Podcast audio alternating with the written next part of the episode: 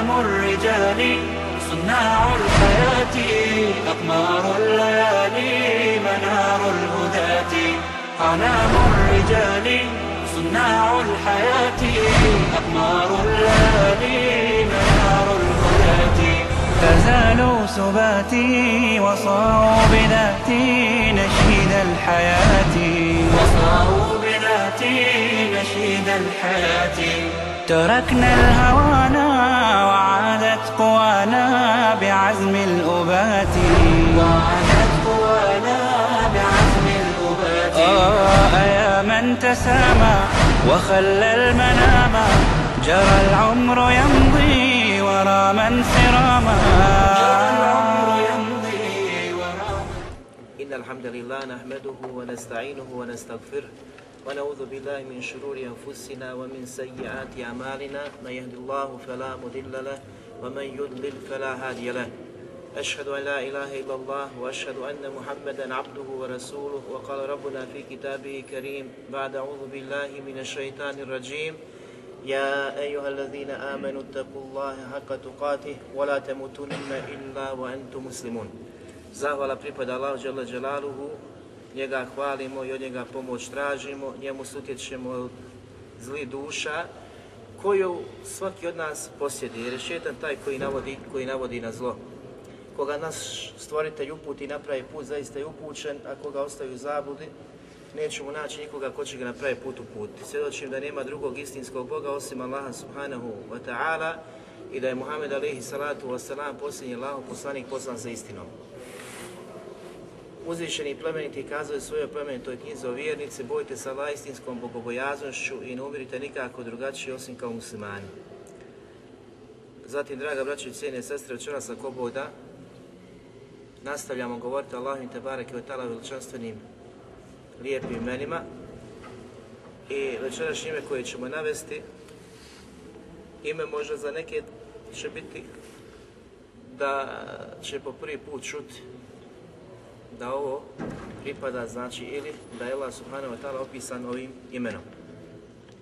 Zašto? Zato što ovo ime se ne spominje u rivajetu koje je kod nas poznato, nema ga znači na levhama koje su ispisane gdje su pobrojene Allahova te bareke wa ta'ala imena od onih koji su svojim ištihadom došli i zaključkom smatrajući da pripadaju Allahu subhanahu wa ta'ala. Večerašnje ime glasi Zulme Ariđ. Zulme Ariđ. Vidjet ćemo šta su komentatori Mufesiri kazali po pitanju značenja ovog imena ili po pitanju značenja ajeta u kojem se navodi i spominje ovo Allahu te bareke ve ta'ala ime.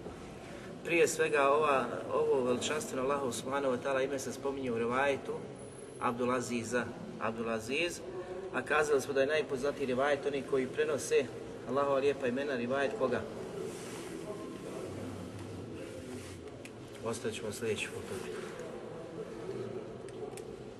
Znači ovaj rivajet bilježi Abdulaziz ibn Husayn i on je jedan od trojice poznati ravija koji su nam pobrojali Allahova te bareke imena svojim ištihadom, trudom da sakupe znači imena koja se spominju u Allahu i Tebareke ve ta'ala knjizi.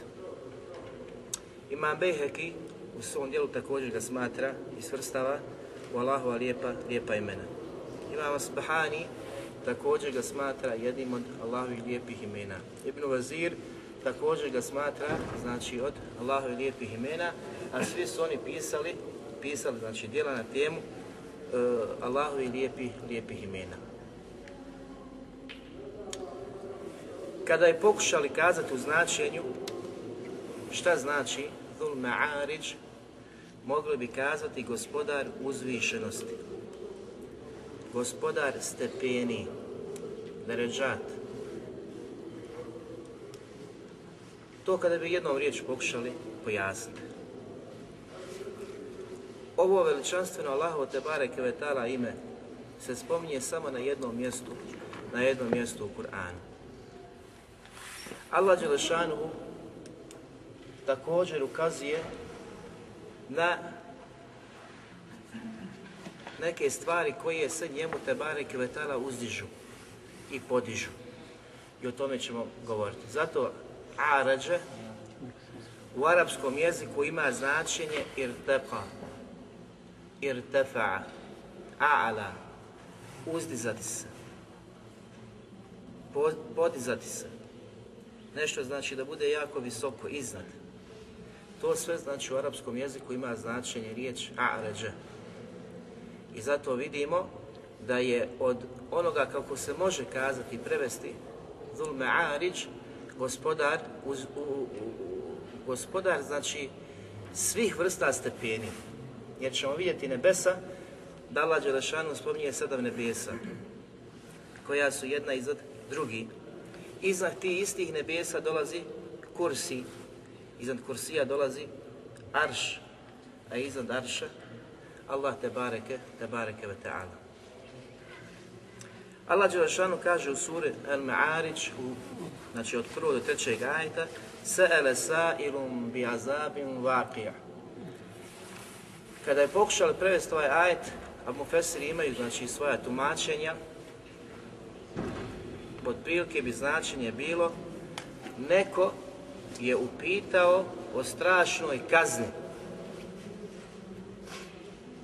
Odnosno u značenju tefsira nevjernici pitaju koga će ta strašna kazna zadesiti. Kome se prijeti Kur'anom? Allah Đelešanuhu na mnogim mjestima, posebno ajeti koji su u mekanskom periodu objavljeni, govori o ljepotama dženeta i govori o džehennemu.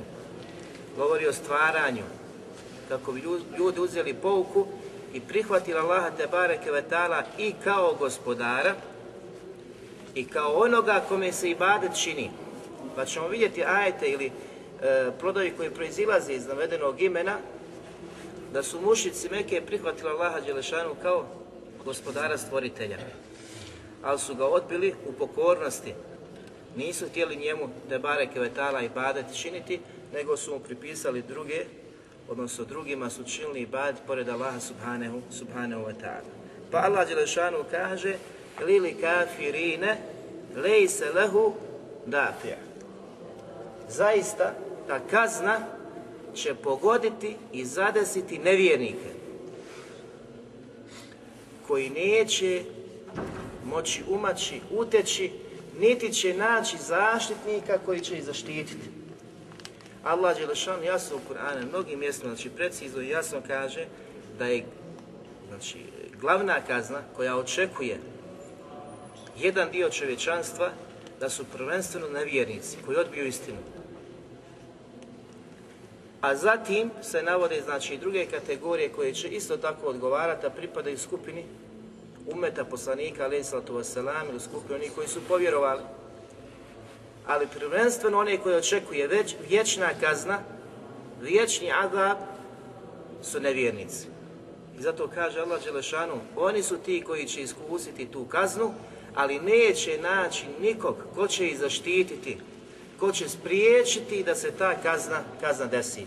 Jer u mekanskom periodu isto tako su nevjernici tražili gdje je ta kazna. Znači ovaj uh, ajet može imati značenje gdje je ta kazna kojom ti prijetiš. Ismijavajući se sa poslanikom sallallahu alihi wasallam. Razumijete? Jer Allah što obećava kaznu nevjernicima, ali vidimo da se nekada izostavi ta kazna.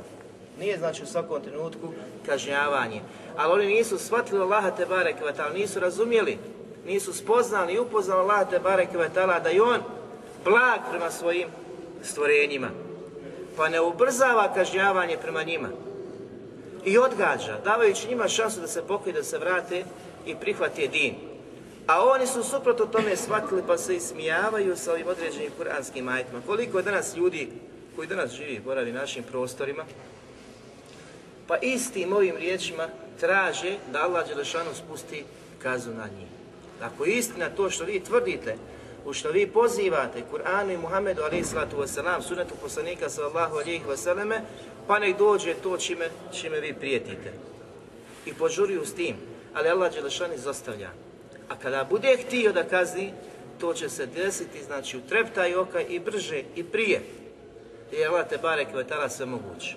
Pa Allah Đelešanu u trećem majetu kaže min Allahi dhil ma'ariđ i to je znači značaj ovog kuranskog ajeta. Kazna o kojoj vi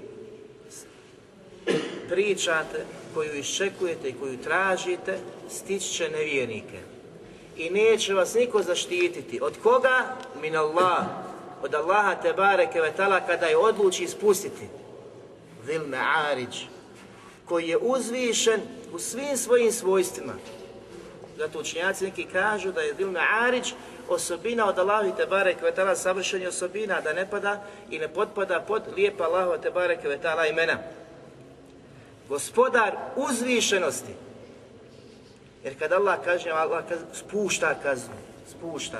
Što ćemo vidjeti da onaj put koji proizilazi ili jedan od plodova, da je ovaj ajet ili ovo Allahu te barek vetala lijepo ime, veličanstveno ime, nešto što ukazuje na Allahu ulu, da Allah te barek vetala uvijek, uvijek, u svakoj situaciji iznad svih stvarenja. Pa tako vidimo znači značenje kuranskog ajeta i onih koji požuruju za kažnjavanjem. Kakva su značenja ili šta su učenjaci kazali za ovo ime kada se odnosi na Allaha te bareke, te bareke ve ta'ala. Mujahid, rahimahullah, kaže da ima značenje Zul Ma'arić, mjesto uspinjanja na stepene. Pa ćemo vidjeti posle kako su neki mufesiri pobrojali u značenju šta znači. Neki kažu da je to mjesto uspinjanja, jer Allah što kaže ovdje u Kur'anu, znači nakon ovog kuranskog ajeta, ta'aruđul melaiketu, njemu se podižu i uzdižu meleci, ruh i džibril. Pa ima značenje uzdizanja, podizanja, meleka prema Allahu te bareke, te bareke ve ta'ala. Pa kaže Mođaj da su to mjesta uzvišenosti, mjesta stepeni, koji Fesiri kažu da su to mjesta, na primjer, deređa na koje znači, dos, e, dospjeva mu'min. Čovjek na Dunjaluku, dok se trudi, svaki trudbenik, pokušava sumniti Allahu te bareke vetala, prvenstveno kroz farzove, što mu je Allah te bareke vetala naredio, zatim na file i sve druge, znači, lijepe stvari, to mu sve podiže ugled kod Allaha te bareke ve ta'ala i da ređe kod njega. Pa kažu da sve što čini, od svih dijela, od svega što radi, da se to podiže na posebna mjesta, posebne deređe. E te deređe koje niko ne zna osim Allah te bareke ve ta'ala, znači ima značenje po jednom dijelu učenjaka da se misli na tu uzvišenost i stepeni gdje dospijevaju naša djela, Allahu te bareke ve i pozicija, pozicija njegovih evlija, pozicija njegovih evlija, njegovih, njegovih vjernika. Zatim Imam Begavi nakon znači, ovog ukazivanja ukazuje da postoji mogućnost da se misli znači, na meleke ili na nebesa. Također, znači, prostranstvo nebesa, visina nebesa, sodovi, katovi nebesa koje je Allah Tebare Kvetala stvorio, da su to te visine i da je Allah Đelešanu gospodar svih, svih tih, svih tih visina. El Hatabi kaže Rahmetullah Ali da ima značenje onaj kome se podižu dijela njegovih robova. Onaj kome se podižu dijela njegovih robova, bilo to od riječi ili postupaka, bilo to od riječi ili postupaka. Također neki učenjaci kažu da je on te bareke ve ta'ala u značenju Allahovog imena gospodar svih blagodati. Gospodar svih blagodati. I vidjet ćemo sva ova tumačenja i pokušaj da se dokući značenje Allahovog te bareke ve ta'ala imena Dhul Me'arić, da sva ona ukazuju upućuju na uzvišenost, na veličinu.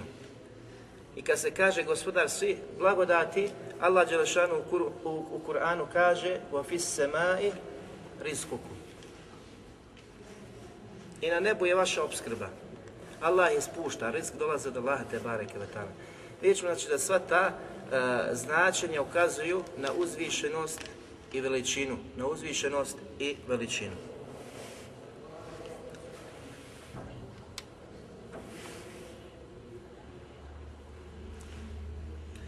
Tako da u nekim tefsirima gdje smo pokušali znači, doći do značenja, ukratko ukazuju na nekoliko značenja i pobrajaju šta su učenjaci kazali. Znači da ima značenje gospodar uzvišenosti i stepeni. To je jedno značenje. Gospodar meleka, gospodar nebesa, znači gospodar nebesa, gospodar svih blagodati, svih blagodati koje on te bare kvetala daruje, daruje svojim, svojim robovima. I ovo je znači u kratkim crtama prenešeno od onih koji su pokušali znači doći do značenja, do značenja Allah te bare kvetala imena Zulme Arić. Šta su plodovi spoznaje ovog veličanstvenog imena? Prije svega, draga braćo, spoznaju koja proizilazi iz ovog imena i mnogi drugi Allahovi Tebare Kevetala imena da je naš uzvišeni i plemeniti Allah Tebare Kevetala u istinu naš istinski gospodar i stvoritelj. Znači, gospodar i stvoritelj. Da on upravlja svim što je on subhanahu wa stvorio. Sve što vidimo da se dešava, da se radi, dešava se, znači Allahom Tebare Kevetala odredbom. Koji je Zul Ma'arić, koji je znači gospodar svih uzvišenosti. Pa ćemo vidjeti da mnogi ajti u Kur'anu ukazuju na Allaha Tebare Kevetala kao gospodara, ukazuju na Allaha Tebare Kevetala kao onoga kojeg trebamo obožavati. Pa čak i ajti koji potvrđuju da su mušici Meke potvrđivali Allahu Tebare Kevetala rububijet. Da je on gospodar, da on stvara. Danas ćemo naći ljude koji su ateisti, ne vjeruju, niti potvrđuju da Allah subhanahu wa ta'ala stvorio i nebesa i zemlju. Allah Đelešanu kaže Kul limanil ardu wa man fiha in kuntum ta'lemun. Upitaj čija je zemlja i sve ono što je na zemlji. Ako znate, odgovorite. Kakav je bio odgovor mušrika? Šta Allah Đelešanu prenosi? Allah Đelešanu kaže se je kulune lillah svi će odgovoriti da je sva zemlja i sve što je na zemlji Allahovo te bareke vetala. Pogledajte njihove spoznaje kako su imali. Zatim kaže Kul efela tezakkarun. Zar nećete pameti, pameti doći? Nakon svega toga, počeo Allah da kaže mi znamo da vi to potvrđujete, mi znamo da vi vjerujete da je to stvoritelj jedan koji je stvorio. Međutim, Allah Đelešanu od njih traži, zar nećete, znači, pameti doći, da me obožavate nakon te spoznaje. Da mi bade činite, da ne pripisujete širk. Jer su oni odbili ovaj drugi vid. Uluhijeta. Da Allahu te bareke wa ta'ala pripada pravo obožavanja. A prvi su, prvi su potvrdili. Zatim Allah Đelešanu kaže Kul men, kul men rabbu semavati sebi wa rabbul aršil azim. Pogledajte ovog upita od strane Allaha te bareke Upita ih ko je gospodar sedam nebesa i veličanstvenog arša. Allah Đelešanu govori poslaniku da pita mušrike. Šta će on odgovoriti? Ko je gospodar sedam nebesa? Danas kada pitaš ljude na našim prostorima, dio znači koji ne vjeruje, koji odbija istinu i da potvrdi Allahu te bareke ve ta'ala rububijet, kažu da je to sve priroda stvorila da je samo po sebi došlo. Mušici Meke, koji nisu ni čitali ni pisali, imali su vjerenje, kako kaže Allah, sa je lillah. Stvoritelj sedam nebesa i arša veličanstvenog. Danas kad pitaš muslimane šta je arš, o aršu počnu da filozofiraju. Mušici Meke za sve to kažu da je arš i sedam nebesa, da je stvoritelj svega toga Allah te bareke, te bareke vetara. Pa kaže Allah, kul efela tettekun. Pogledajte, to je završetka ovog ajeta. Nakon spoznaje da je Allah Đelešanu stvoritelj sedam nebesa, zašto mi ovo nabrajamo ove kuranske ajete? Upravo zbog uzvišenosti Allaha te bareke vetala. On odgovara i gospodar sedam nebesa i arša veličanstvenog i Allah te bareke vetala. Pa Allah Đelešanu ponovo pita, reci im, zar nećete se Allaha bojati? Efela tettekun, što znači tu e, takva u arapskom jeziku, odnosno kada mi pokušamo da pojasnimo takvaluk. Da se Allah Đelešanu plašiš u smislu da izvršavaš ono što ti je naredio i da se kloniš i čuva zabrana. To je jedna definicija. Što znači, strahujte od Allaha te bareke tako što ćete mu biti pokorni. Pokornost činiti. A oni mu nisu pokornost činili. Oni, oni su mu širk činili. Allah Đelešanu, nakon što oni potvrde rububijet, želi da im ukaže na uluhijet. U svim ovim kuranskim ajetima. Zatim u hadisu poslanika sallallahu alihi wasallam, znači šahid, jedno što hoćemo da kažemo kroz ove kuranske ajete, da poslanik, znači u hadisu Ebu Davuda, je kazao da je arš krov svega. Krov svega, stvorenog. Znači sve ispod arša. Allah Đelešanuhu, kako smo govorili Allahom Tebare, kada smo govorili Allahom Tebare kvetala imenu, El Ali, El Ala, El Muta'al, da je Allah Tebare kvetala uzvišen iznad, iznad svih stvorenja. Pa tako i Arš, Allahovo stvorenje, Allah Tebare kvetala iznad Arša. A Arš je krov svega, svega stvorenog. U hadisu koji bilježi Ibn Hiban, Bejheki i drugi znači učenjaci Šeha Albani kaže da je vjerodostojan došao je Ebu Zer radi Allahu poslaniku alaih sallatu wasalam i upitao ga koji je ajet najveličanstveniji, najvećeg značenja u Kur'anu, pa je kazao da je to ajetul kursi. Poslanik alaih sallatu wasalam govori da je to ajetul kursi. Zatim je poslanik alaih sallatu wasalam kazao Ebu Zer, kaže kursi, kursi o kojoj, znači, koji se spominje, a imamo hadise koji ukazuju, odnosno govori i učenjaka, da je to mjesto Allahovi stopala. Pa kaže kursi, kada se usporedi sa aršom, je poput prstena kada se baci u pustu. A prije toga, pogledajte sad što kaže poslanik sa kursi kada se usporedi naspram svih, odnosno nebesa, sedam nebesa, kako je došlo u ajetu, sedam nebesa, kada se usporedi sa kursije, je poput prstena kada se baci u pustinju. Sedam nebesa. Imamo one rivajete koje smo prije citirali, da je prvo nebo naspram drugog neba poput prstena kada se baci u put. Da li se može primijetiti kolika je znači razlika između jednog i drugog neba? Pa znam se drugo naspram trećeg, pa četvrto naspram, sve do sedmog, a sedmo naspram kursija je poput prstena u. Zatim dolazi taj isti kursi, naspram arša Allaha te bareke ve ta'ala poput prstena kada se baci u put. Znam se te veličine. Allah Đelešanuhu, El Azim, El Kebir, El Muta'al je daleko veći, daleko veći od svega, od svega stvorenog. I onda vidite zabludu svih oni koji pokušavaju Allaha te bareke ve ta'ala poistovijeti sa stvorenjima. Jer to je mustahil, nemoguće. Znači u svakom pogledu je nemoguće. Allah te bareke ve ta'ala, zato učenjaci kažu, ne možeš zamisliti Allaha te bareke ve ta'ala, ne možeš dokućiti Allaha, ne možeš pojmiti Allaha, šta god da zamisliš, znači kada bi ti šeitan došao sa nekim vesvesama, mi se utičemo Allah od toga, šta god da ti dođe, šta god da ti nam padne, Allah te bareke ve ta'ala je veličanstveniji, veći, veći od svega, od svega toga. I nije znači u takvom, u takvom liku. Zatim Allah Đelešanu kaže Kul men bijedihi melekutu kulli šej. I upitaj ih u čijoj je ruci vlast, u čijoj je ruci sve ovo što postoji, sve što se vidi. Ko to posjeduje? Ko je vlasnik svega toga? Znači, mušici su i to bili upitani. I odgovor je isto tako glasio da će kazati da to sve pripada, sve pripada Allah, ta'ala. Znali, su za nebesa, za zemlju, sve što je na zemlji, ono što je u njima, da je stvoritelj Allah te bareke ve ta'ala.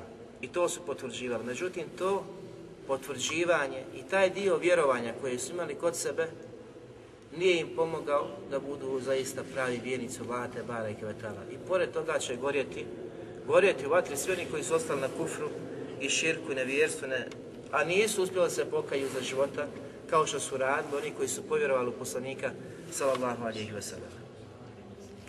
Zatim drugi plus poznaje ovog veličanstvenog imena da se Allahu te bareke ve taala podižu dijela njegovih robova. Podižu se duše vjernika. Podižu se meleci. I sve šarijski tekstovi, znači postoji za sve.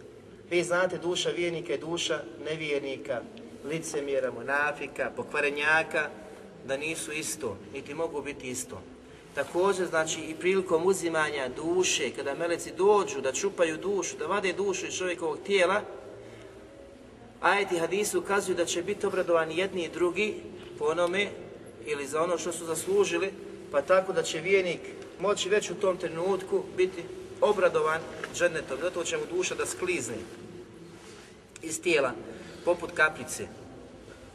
Jedva će čekat susret sa veličanstvenim Allahom te bareke Duša nevijenika, pokvarenjaka će da bježi po tijelu i neće htjeti da izađe, pa će meleci čupati, kidati, kao što je došlo u opisu, poput znači kuke užarene kroz vunu, kako ona čupa. Tako će, znači, toliko će on bolova da osjeti prilikom čupanja. A sve, mimo tih bolova, što dolazi nakon izlaska duše iz tijela je gore, gore za njega. I onda, znači ovo je u skraćenoj verziji, prepričavamo hadise, duša se podiže Allahu te bare kvetala, meleci je nose, jednu i drugu. Jedno će biti nebeske kapije otvorene, drugo će biti zabranjeno da dođe i prođe prvu nebesku kapiju. To su svi oni koji budu na stramputici daleko od puta, od puta Allah te bareke od i puta poslanika sallallahu, sallallahu alihi veselem. Tako da vidimo da duše vjernika će biti uzdignute. Da će Allah Đelšan se obratiti njima. Da je on duše stvorenja stvorio od čega? Od zemlje. Da se ponovo vrate u zemlju i ponovo će iz zemlje biti proživljene. Dok ova prva nebeska kapija meleci neće htjeti otvoriti kada čuju ko je došao, pa će spomenuti njegovo ružno ime i njegove osobine po kojima je bio prepoznatljiv na Dunjalu. Tako će biti, tako će biti vraćen. S druge strane, već smo upoznati, znači da su meleci ti koji se podižu i Allahu te bareke vetala. Kaže Ebu Kasim Rasbahani, velika znači umeta poslanika sallahu alihi veseleme. Od njegovih lijepih imena, misli na Allah te bareke ve ta'ala, je ime Dhul Ma'arić. I zato smo njega na početku kazali da on smatra i ubraja Allah te bareke ve ta'ala ime Dhul Ma'arić od Allahovi lijepi, lijepih imena. Pa kaže, Allah Đelešanu u Kur'anu kaže Ilehi jes'adul kelimu tajib. Allahu se podiže lijepa riječ. Pa zatim nastavlja wal amelu salihu jerfa'uhu. I dobro djelo on uzdiže. Allah te barek Znači lijepa riječ i djela se uzdižu Allahu te bareke vetala. Zatim kaže meleci dana podižu se i uzdižu se Allahu te bareke vetala kao što i meleci noći također se uzdižu i podižu Allahu, Allahu te bareke vetala. Mi znamo da se meleci podižu i uzdižu, međutim sad će im se meleci podižu. S vašim dijelima, našim dijelima. I vidjet ćemo hadise koji ćemo citirati nakon toga. Znači, dijela koja meleci uzimaju su dijela koja vide da mi činimo da radimo. Ta dijela uzimaju i podižu Allahu te bareke, te bareke vetala. Znači imamo meleke koji se smenjuju u toku dana i u toku noći. Jedni ostaju, drugi se podižu Allahu te bareke vetala. I oni podižu djela koja mi, koja mi činimo. Pa zatim kaže on, zato uljepšajte vaša djela koja činite.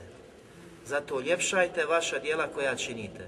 Jer će oni da će ta djela biti izložena pred Allahom te bareke vetala. Šta si činio, šta radi? Mada Allah te bareke vetala zna, ali svoje apsolutne mudrosti je učinio znači da meleci uzmaju i podižu naša djela koja mi, koja mi činimo. Pa zatim kaže budite ustrajni i marljivi u čemu? U izvršavanju dnevnih namaza. Dnevnih namaza. A vidjet ćemo zbog čega je on naveo to. Zatim kaže u istinu namazi brišu vaša loša djela. Vaša loša djela. Jer je došlo hasanat, on govori, u tefsiru da se misli na namaze, a on misli na kuranski ajde, Allah Đelešanu kaže innal hasanati yudhibna sejiat.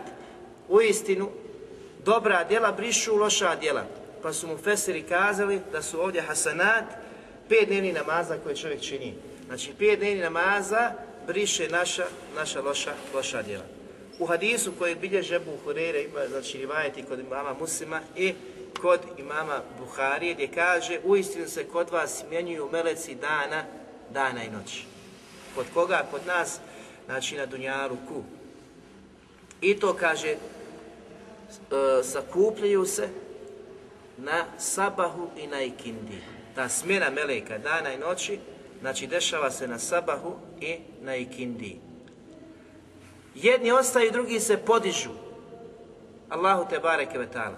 Pa kada se podignu kod Allaha subhanahu wa ta'ala, Allah ih upita u kakvom ste stanju ostavili moje robove. Mada on najbolje zna, ali pita melek. Pa kažu meleci, ostavili smo ih da klanjaju. Ostavili smo ih da klanjaju. A kako ste zatekli moje robove?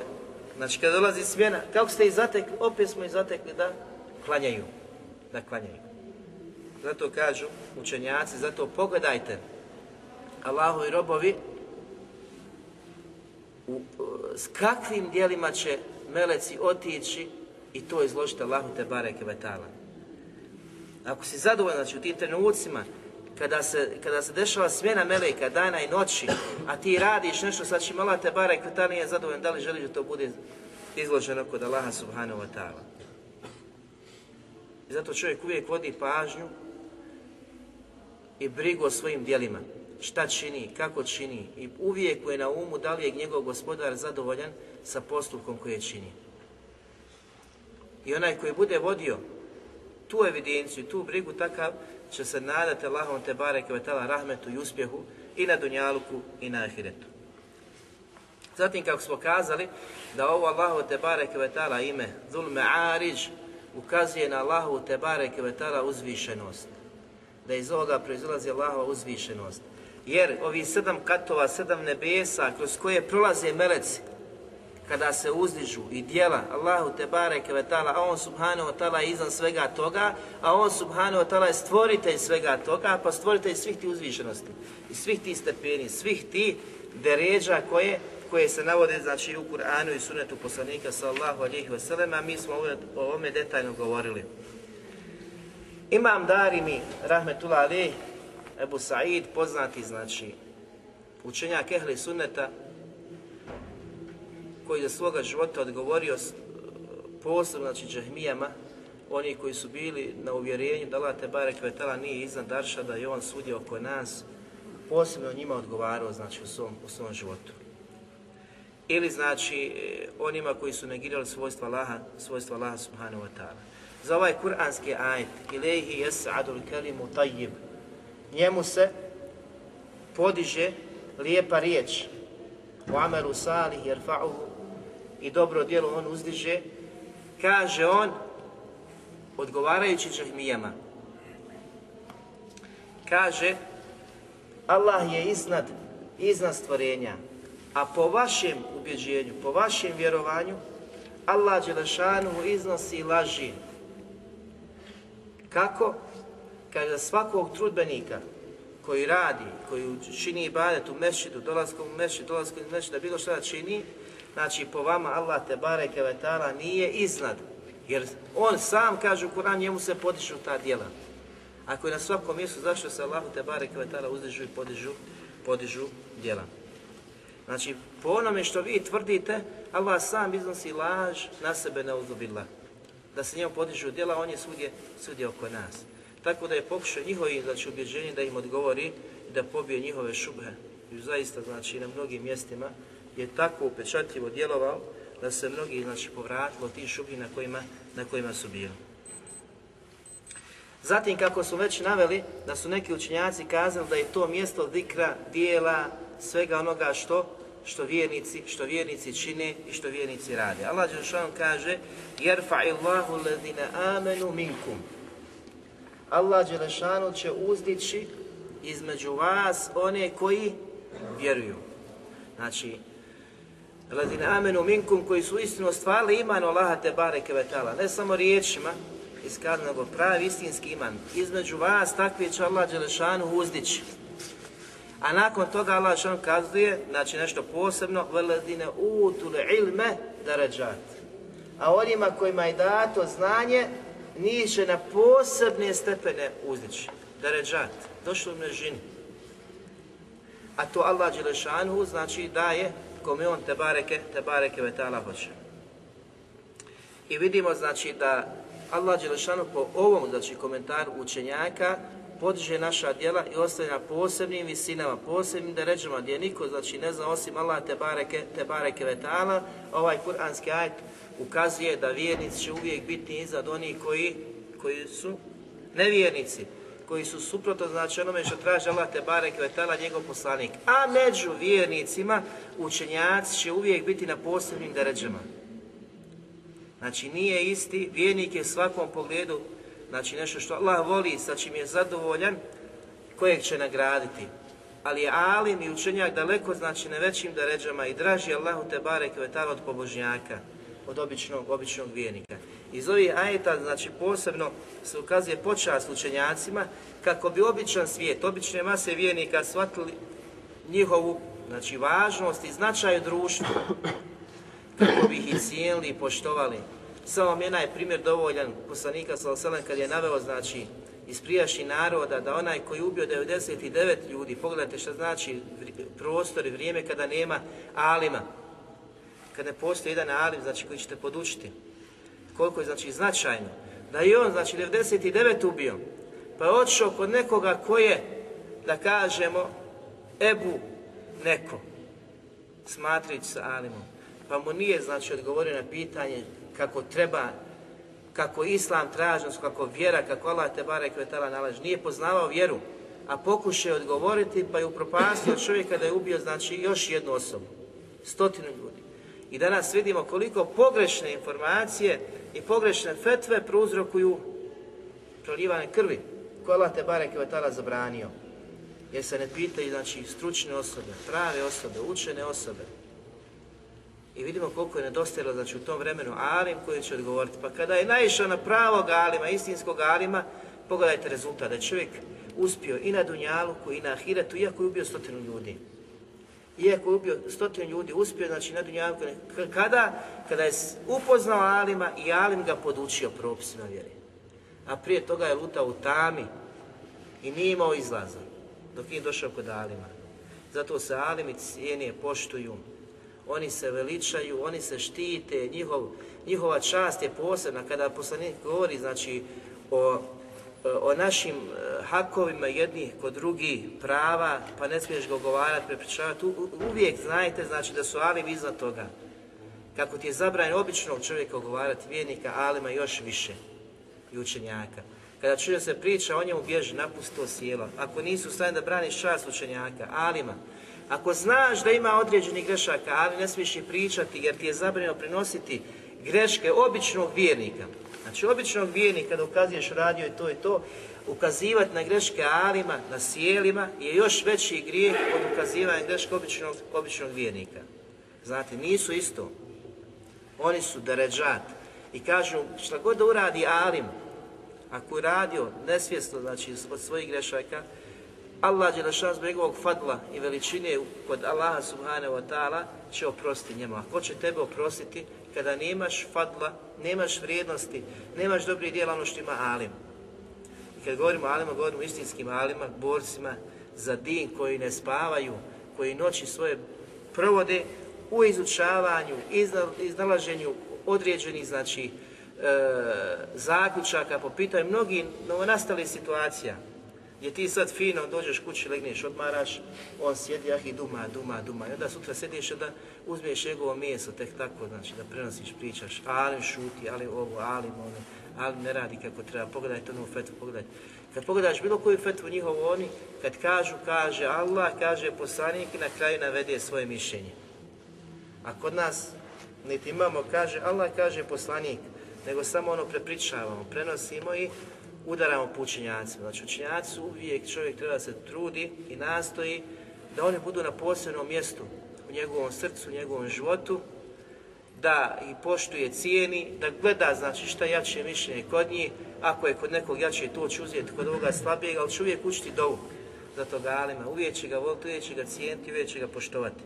Iako se možda nekada u određenim tačkama ne slaže, zbog argumenata koji je neki drugi alim. Nešto on misli, pa ja mislim, našao sam ajet, nije ne slaže se ovo s njegovim. Ne, taj ajet mora biti na fehmu selefa, oni prvi generacija, oni koji su nakon njih, u shvatanje razumijevanje. Pa ako to imaš ko sebe, onda kaže ovo je ispravnije mišljenje, a ne citiraš kuranski ajet, hadis da kažeš vidi što je kazao Allah, što je kazao poslanik, ovaj ali ne radi tako.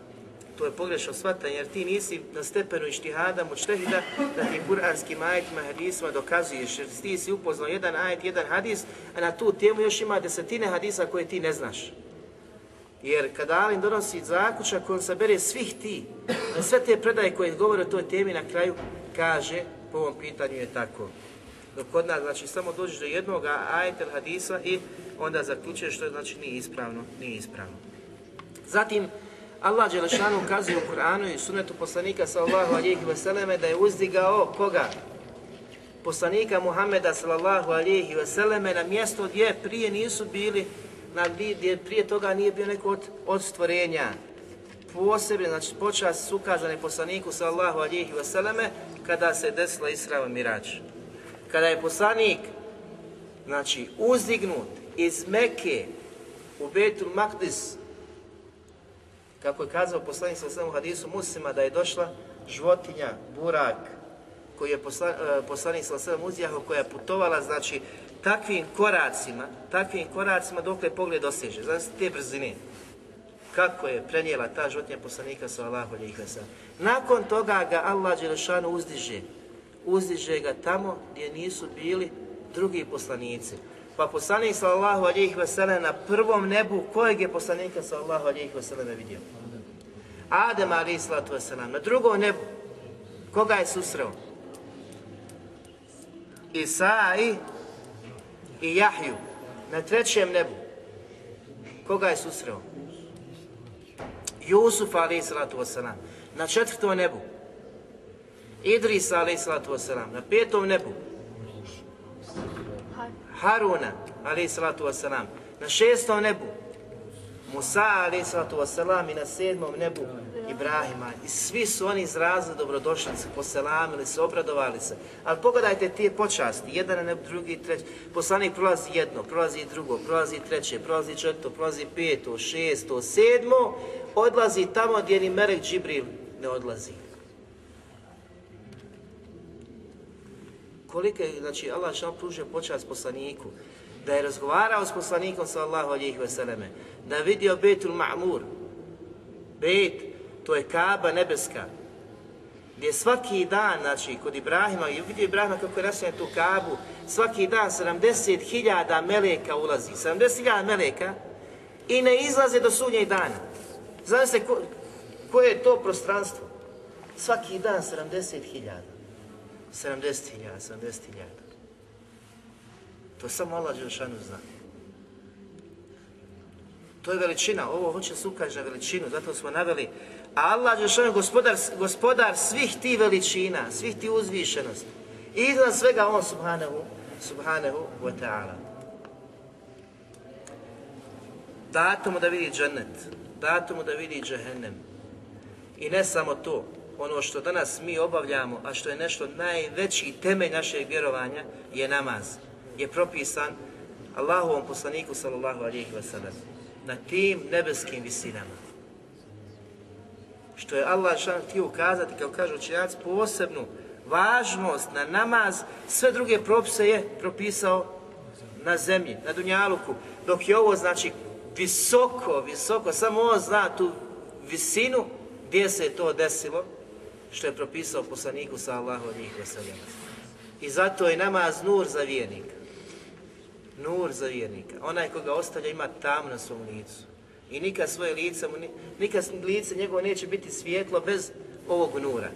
Nura upute, hidajeta i nur znači namaza koji osjetljava lica, lica vjernika. I zato će Allah poslanik prepoznati umet svoj na havdu po tragovima seždi.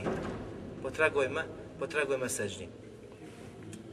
Zatim, Allah Đelešanu vraća poslanika, spušta ga, dolazi dole i šta mu posle toga daje? svi poslanici se safaju u red, a poslanik sallallahu ispred njih i imam i svim poslanicima.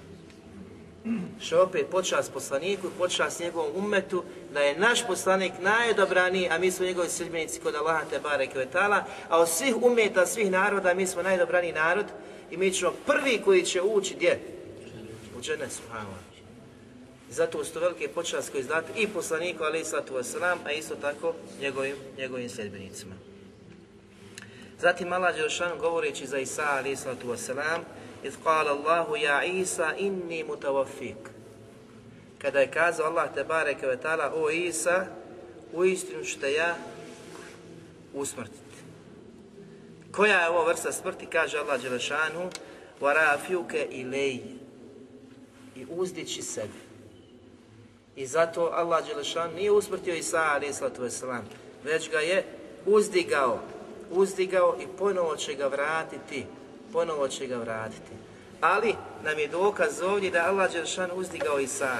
Uzdigao, uzdigao Isa. Nije znači vjerovanje ispravno kršana i oni koji tvrde, posebno židova da su ga ubili, nego da im se ukazalo, odnosno da im se pričinilo. Allah što kaže وَمَا قَتَلُوهُ يَقِينًا I u istinu ga oni nisu ubili. Oni ga nisu. Već se samo njima to pričinilo, pričinilo.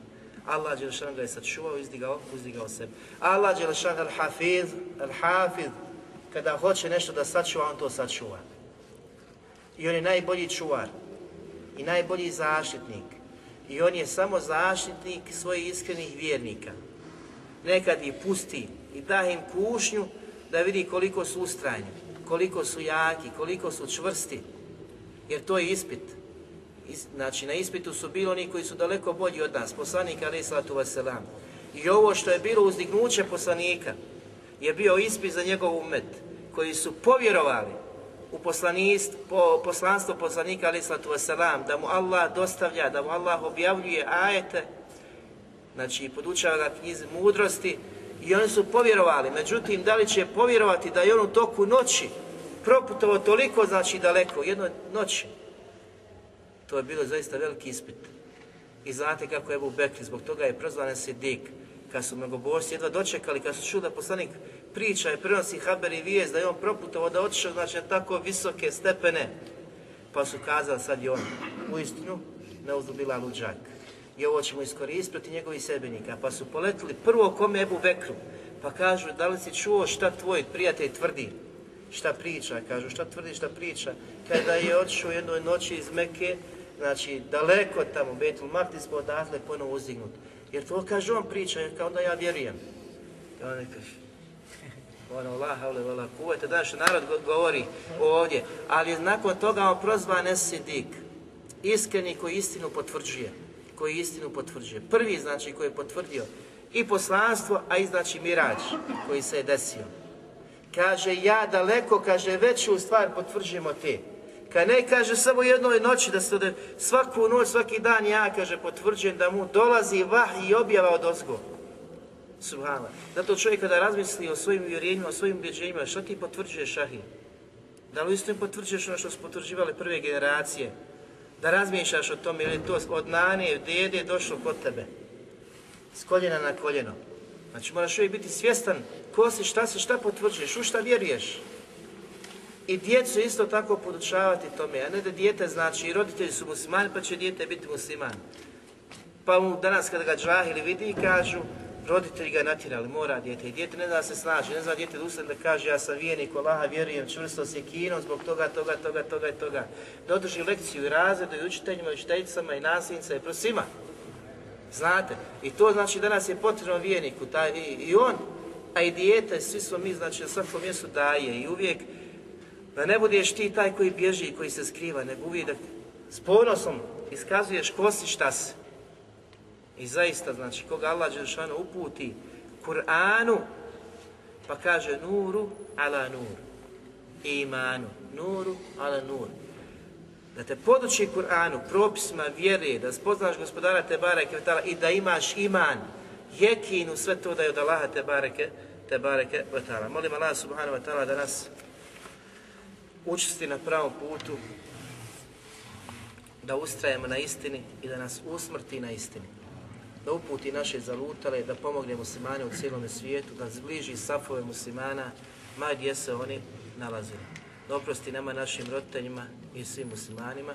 Subhanak Allahu hamdika, ashhadu an la ilaha illa anta, ilayk. Jazakumullahu khairan.